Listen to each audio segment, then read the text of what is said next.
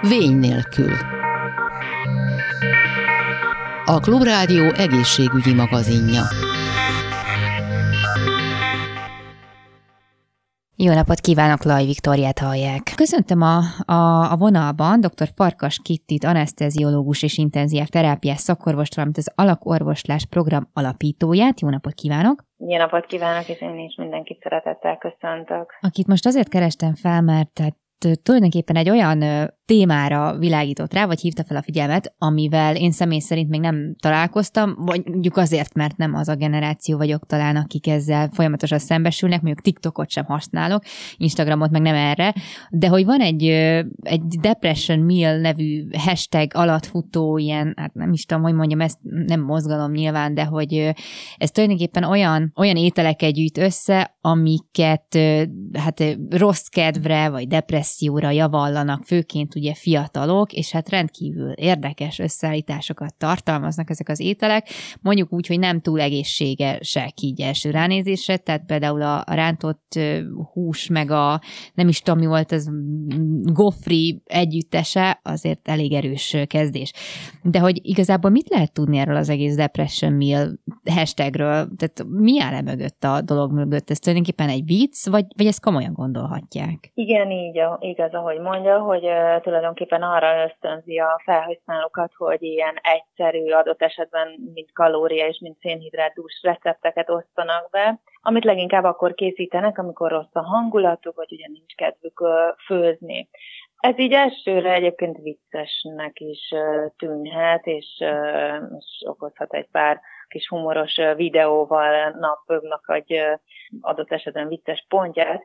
Viszont, hogyha mögé nézünk, akkor azt gondolom, hogy ez az ártalmatlannak tűnő humoros videók komoly mentális problémákat, vagy adott esetben káros hatást is okozhatnak, főleg a gyerekeknek a test és a lelki fejlődésére. Nyilván ugye a mentális problémák állnak a háttérben, és lelki támogatásigény, de hát komoly problémákat, komoly gondokat okozhat, és hát a depressziót, mint klinikai állapotot, azt gondolom, hogy nem szabad félváról venni egyáltalán, megfelelően kell diagnosztizálni, és adott esetben kezelőorvos javaslat alapján kell kezelni. Tehát a depresszió, vagy bármilyen mentális zavar, vagy pszichés zavar, ez, ez igazából ilyen szoros összefüggésben állhat a táplálkozásunkkal? Tehát, hogy az lehet egy, egy gyanús jel mondjuk egy szülőnek, hogyha a gyerek sokszor levert, nem hajlandó enni, akkor itt gondolhatja azt, hogy itt valami komolyabb dolog is áll mögötte? Összefügghet, mert az is igaz, hogy a depresszióval küzdő emberek számára az étkezés, pláne egy egészséges táplálkozás, az valóban kihívást jelenthet. Viszont fontos azt gondolom tudnunk, hogy bizonyos ételek egyértelműen befolyásolják a hangulatunkat. Uh-huh. Tehát a bennünk az ételekben lévő aminosavakból, ugyanis az emésztés során különböző agyi és idegi ingerület átvívő anyagok keletkeznek, ilyen például a húsokban, a tejben, uh-huh. tojásban található triptofán, amiből a depresszió megelőzéséhez nélkülözhetetlen szerotonin képződik, és hát uh-huh. a szerotonin emelkedését segítik még a különböző keményítőben gazdag ételek, tiszta krumpli ételek, de az is igaz, hogy például gyümölcsökben ö, lévő ö, vitaminok, gyulladáscsökkentőek, tehát hogy uh-huh. van összefüggés a táplálkozás és a különböző ételek között, viszont én azt gondolom, hogy inkább fordítsuk meg a kérdést, és koncentráljunk arra, hogy mik azok az ételek, amik a jó hangulathoz uh-huh. és a kiegyensúlyozott vércukorhoz, vércukorszinthez kell, és, és ez alapján tudatosítsuk az ét, étkezésünket, és sokkal jobb lesz tőle a hangulatunk.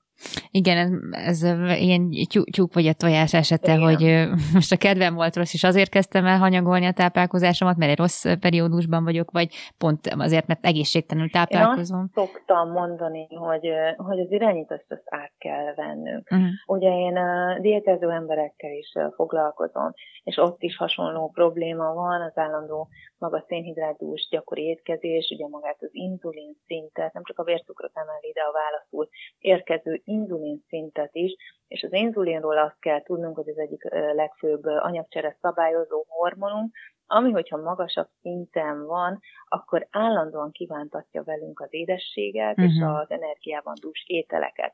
Szóval mindig egy ilyen életmódváltásnál egy nagy levegőt kell venni, és azt mondani, hogy visszavesszük a gyeplőt, így a, a hormonjaink és a, a kedélyünk, vagy bármi fölött is, és, uh-huh. és ehhez viszont egy eszmecsek kell.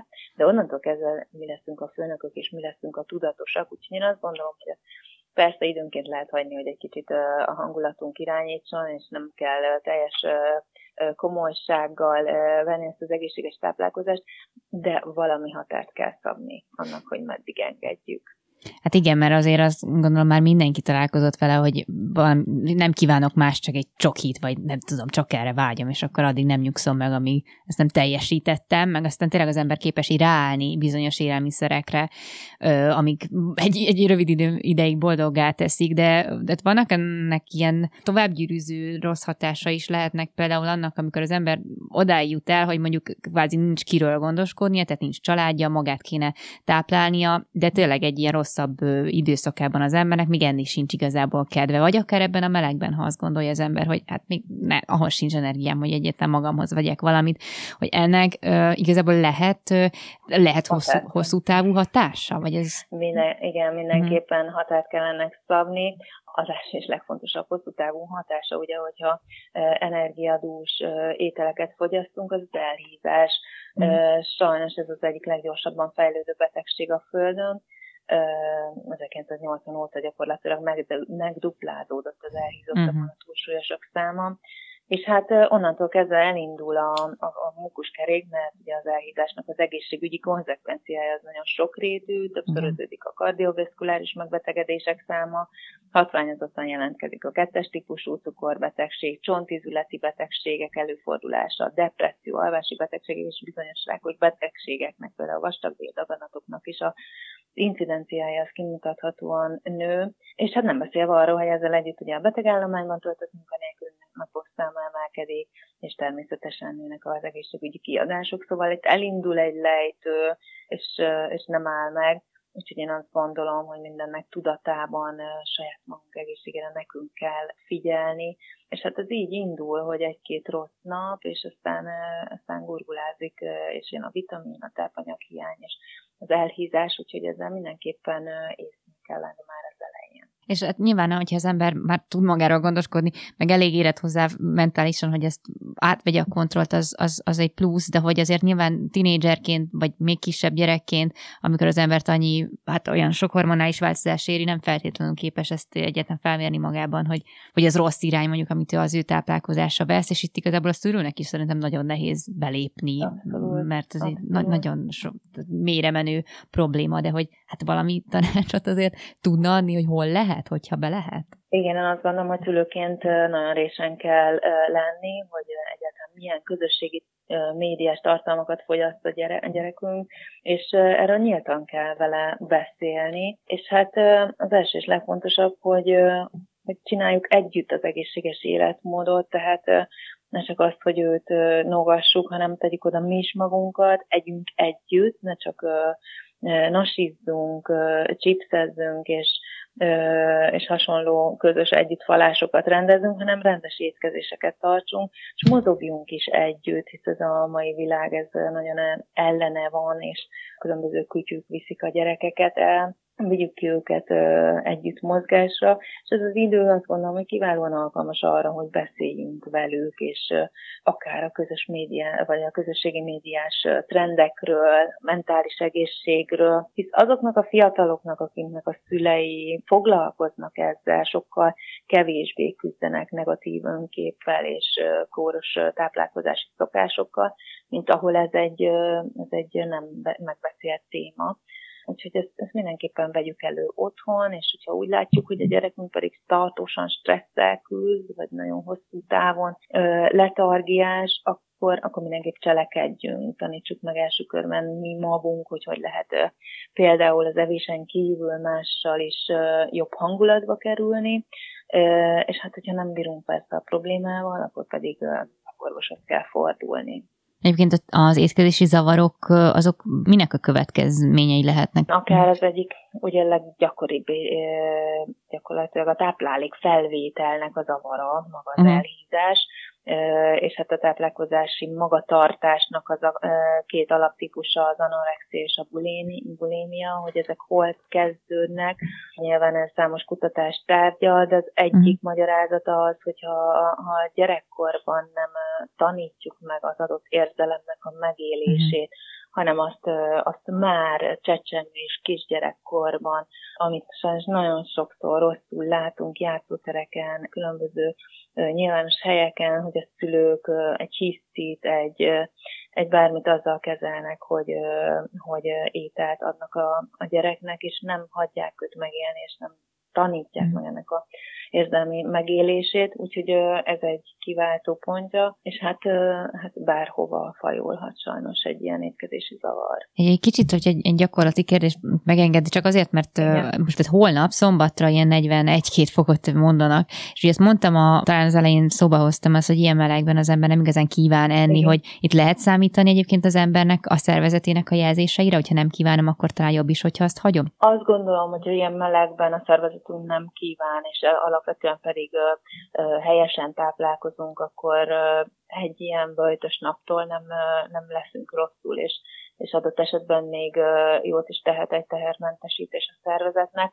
Arra figyeljünk, hogy maximális legyen a folyadékpótlásunk, illetve egy legalább egy ilyen 5-600 kalóriányi folyadékban bevihető energiát vigyünk be, ez mm. akár lehet egy szűrt almalé, vagy szűrt lé, bármi, ami könnyen emészthető, de mégis energiával lát el minket, mézes tea, tehát hogy mm. erre figyeljünk, de hogyha nincs kedvünk egy ilyen napon enni, vagy csak amikor már egy picit ö, ö, csökken a hőmérséklet, valami könnyedebb, akár egy kis grillezett salátát, az is teljesen rendben van. Hát nagyon szépen köszönöm a, a tanácsokat és a beszélgetést dr. Farkas Kitinek, anesteziológus és intenzív terápia szakorvos az alapkorvoslás program alapítója volt a vendégem. Köszönöm szépen. Köszönöm szépen, viszontlátásra. A legújabb fejlesztéseknek köszönhetően nem sokára ultrahanggal kezelhetik a vízszér tágulatokat. A Mozart Franciaországban fejlesztették ki, egyelőre ott és Angliában alkalmazzák, de hogyha minden igaz, akkor a világon harmadik országként Magyarország is csatlakozik ehhez a fejlesztéshez.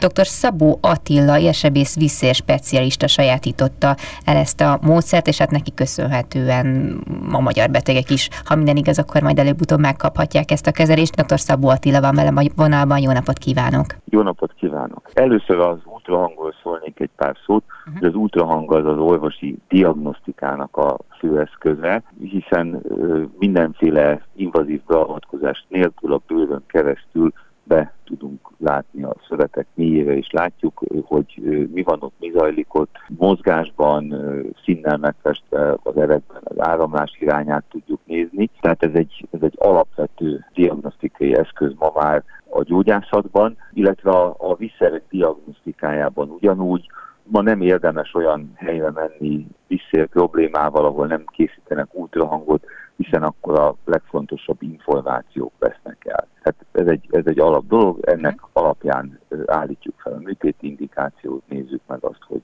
mit kell csinálni, sőt a modern műtétek során is, a műtét közben is ultrahanggal nézzük azt, hogy mi történik. Ez a diagnosztikai része. Az elmúlt évtizedben a gyógyászati területre, tehát a terápiás területre is bekerült az ultrahang. Ez azt jelenti, hát ismert talán, hogy ugye az ultrahang is energiát tartalmaz, és hogyha ezt megfelelő módon visszük be egy adott területre, akkor ezzel az ultrahanggal energiát tudunk közölni. Például itt van az ultrahangos vesekőzúzás, ami már egy, egy régóta használt és jól bevett valami. Itt sem kell behatolni a szervezetre, hanem a bőrön keresztül koncentrálva ezeket az ultrahang nyalábokat a vesekövet például össze tudjuk törni. Különböző egyéb gyógyászati területeken is ez bevált, ez az úgynevezett HIFU, ez a High Intensity Focus Ultrahang Sound, magyarul a nagy intenzitású fókuszált ultrahang, ez a kezelés, amikor fókuszálva az ultrahang nyalábot, annak az energiáját használjuk ki. És hát egy francia cég fejlesztésének köszönhetően ez most már elérhető, persze még azért nem széles körben, de pár páciensek kezelésében elérhető a visszerek elzárására. Ez egy beavatkozás, van egy, egy készülék, ami jelenleg még igen nagy, tehát ugye valaki már látott ilyen, ilyen álló útvon készüléket, ez még annál egy kicsit nagyobb, egy ilyen robotizált kar van, tehát ez nem mi irányítjuk, mi csak elhelyezzük a diagnosztikai útvon segítségével a kezelendő érterület fölé, és akkor egy képernyőn gyakorlatilag az új mozgatásával mi mutatjuk a gépnek, hogy hol történjen a kezelés, és ez a robotkar fogja az ultrahang nyalábot vinni és kezelni. Valóban nem szükséges hozzá műtő, ez egy ambuláns beavatkozás, annyi van, hogy egy picit ugye melegíti azért az ultrahang a szöveteket, tehát fűteni fogjuk, be van építve egy ilyen fej, ebben az ultrahang fejbe egy olyan szerkezet, amin keresztül hideg folyadékot áramoltatunk át, és akkor ez fűteni is fogja azt a területet, amit kezelünk.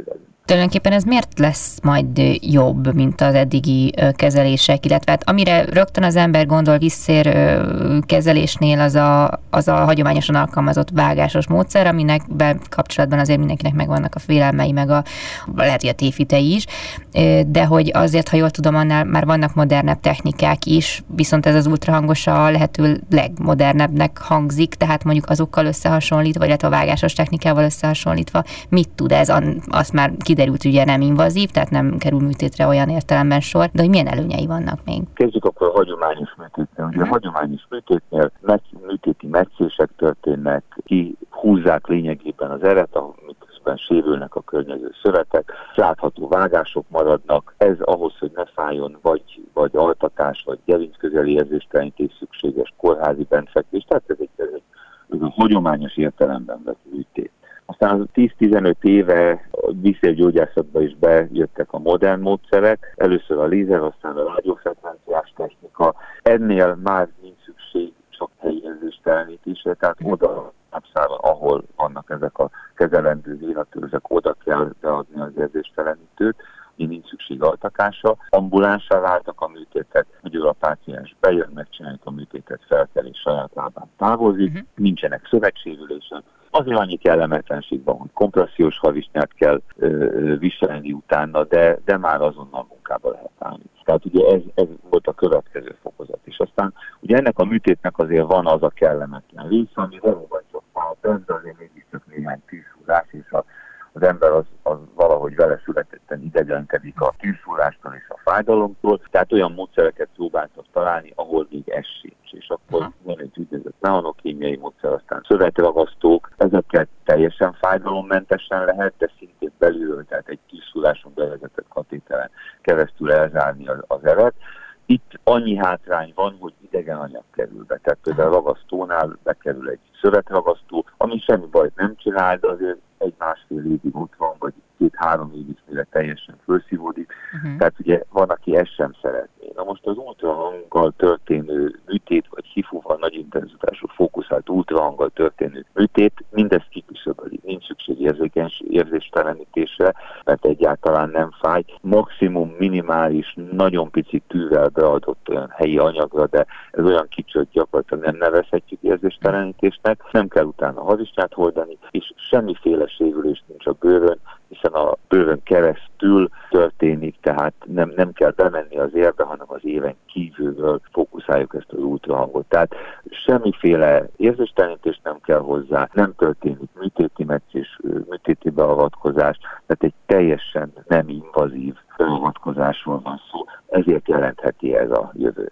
Kell-e, vagy lehet-e kiulástól tartani, és mert ezt csak azért is kérdezem, mert hogyha még nem használják széles körben egy bizonyos technológiát, akkor lehet, hogy, tehát nem tudom, hogy vannak -e erre vonatkozóan elég adatok, hogy ezt meg lehessen állapítani. Több száz vagy több ezer páciensen már elvégezték ezeket a, a beavatkozások, hogy mindig megelőzik állatkísérletek, és maga az elv az pontosan ugyanazt, a, itt lezárjuk a, azt az értelzet, ami nem jól működik, úgyhogy hogy maga az elv az pontosan megegyezik minden más visszaemlített el, elvével, hogy megszüntetjük a, a kóros érszakaszokat. Most, hogy ez mivel történik, az más kérdés. Uh-huh. Olyan, hogy egyáltalán nem újulnak ki, tehát minden páciens minden visszaere tökéletesen elzáródik, ugye ilyen nem létezik, de hát ez a, a gyógyászatban egyáltalán nem létezik. De azért a mai műtétek hatékonysága olyan 95 és 98% között van. Ez azt jelenti, hogy 100 páciensből mondjuk 2, 3, 4-nél újul ki. Na most ez a kiújulás mindig azt jelenti, hogy nem teljesen megint megjelenik minden, hanem egyes érszakaszok esetleg kitágulnak, az megjelenik, de, de nem arról van szó, hogy teljesen újból kell mindent csinálni. Ha ilyen kiújulás van, ha valaki ettől fél, maximum annyit van a legtöbb esetben, hogy egy injekciós kezeléssel, ilyen szkleroterápiával azt az, azóta a műtét óta kitágult érszakaszt elzárjuk. De olyan, hogy kompletten kívüljön, ez, ez nagyon-nagyon a visszeres lábra azért hajlamosak vagyunk úgy tekinteni, mint elsősorban egy olyan dologra, ami nem néz ki jól, tehát egy esztétikai problémaként gondolunk rá. Talán az ilyen ultrahangos kezelések, ezek a modern eljárások, amik ugye nem járnak nagy beavatkozással, nem kell befeküdni hozzá, ezek lehet, hogy növelnék a hajlandóságot arra vonatkozóan, hogy az ember elmenjen kezeltetni ezt a problémáját. Nem tudom, hogy ebben lát egyébként nagyobb hajlandóságot az újabb módszerek megjelenésével, vagy mikor lehet már arra számítani, hogy akár ez az ultrahangos megoldás is már elérhető lesz itt Magyarországon, vagy több ember igénybe tudja esetleg venni? Mindenképpen én azt gondolom, hogy növekvő igény van arra, hogy ugye olyan módon kezeljük a visszereket, ami nem kellemetlen. Tudni kell azt, hogy a visszerbetegség betegség, tehát a, a lakosság kb. 30%-ának van olyan mértékű visszértágulata, ami már jól látható, nem feltétlenül kell, hogy panaszt okozzon, és kb. 80%-a, tehát ez ugye sok millió ember, akinek legalább ilyen látható seprővénái vannak. Ez utóbbi, tehát a seprővénák, ez inkább csak esztétikai, de lehet a jele komolyabb visszérbetegségnek is, tehát ezt sem szabad elhanyagolni. Ellenben, amikor már kidudorodó erek látszanak, esetleg még panaszt is okoz, az már egészségi kockázatot jelent, tehát szövődményekhez vezet, és hogyha ezt elhanyagoljuk, akkor súlyos komplikációk léphetnek fel. Sajnos azért ugye vannak a tízhitak, hogy úgy is kívül, nem kell foglalkozni vele. Nagyon sokan pedig félnek a kezelésektől, főleg a hagyományos műtétől, nem tudják azt, hogy, hogy vannak modern módszerek, és ezért aztán nagyon sokszor, tehát 5-10-15 évvel azután jönnek el először orvoshoz, hogy megjelentek ezek a visszerek. Ekkor is megoldható, csak sokkal nehezebb dolgunk van, és minél elhanyagoltabb az a betegség, annál gyakrabban számíthatunk arra, hogy nehezebb a kezelés, esetleg kiújuló oldalágak jelennek meg, tehát minél inkább időben kapjuk el azt a problémát, annál hatékonyabban tudjuk mi is kezelni. A kérdés másik részére, hogy mikor érhető ez el? Hát ezt most a, ugye kicsit a, a vírus helyzet fölborította. Ha nem lett volna Covid, akkor már Magyarországon én ezt csinálnám ezt a beavatkozást. Sajnos ugye ez komoly anyagi befektetést igényel, tehát egyelőre ezt halasztani kellett. Meglátjuk, hogy hogy alakul. Én, én optimista vagyok, és talán azt gondolom, hogy hogy a következő év elején már el tudjuk kezdeni ezeket a kezeléseket. Egyelőre mindenképpen kisebb számban, és ugye nem lesz olcsó, mm. de az ára összevethető lesz mondjuk egy visszaműtétével. Még egy kérdés erejéig arra kitérő, hogy még az elején mondta, hogy ahol tehát azt a beavatkozást, amit nem előz meg ilyen ultrahangos diagnosztika, azt, azt inkább felejtsük el, de hogy ez még gyakori volna akkor, hogy nem diagnosztizálják ultrahanggal előtte a problémát? Hát itt egy szemléletváltás szükséges a kollégák részéről is. Aha. Ugye, amikor nem volt az ultrahang elérhető, hát a, a visszérbetegség csak egy olyan másodlagos számított, tehát ugye egy, egy komoly érsebészeti osztályon kutak visszéről van szó.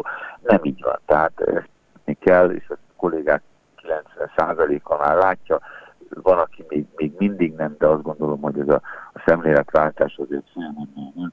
Tehát igenis, ez a páciens számára nagyon fontos, nagyon sokakat érint, és uh, igazából, ha az egészségügyi kiadásokat nézzük azért, hogyha ezt az alacsonyabb költséget beszélünk a nagyszerűen, akkor kiterül, hogy ez, ez, ez nem is olyan kis költség.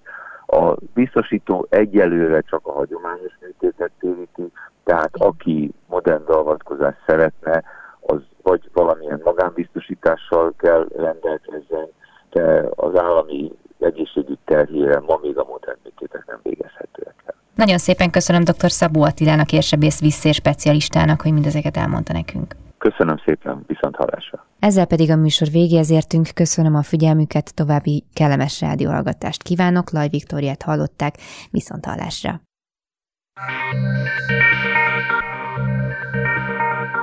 A Vény nélkül című műsorunkat hallották.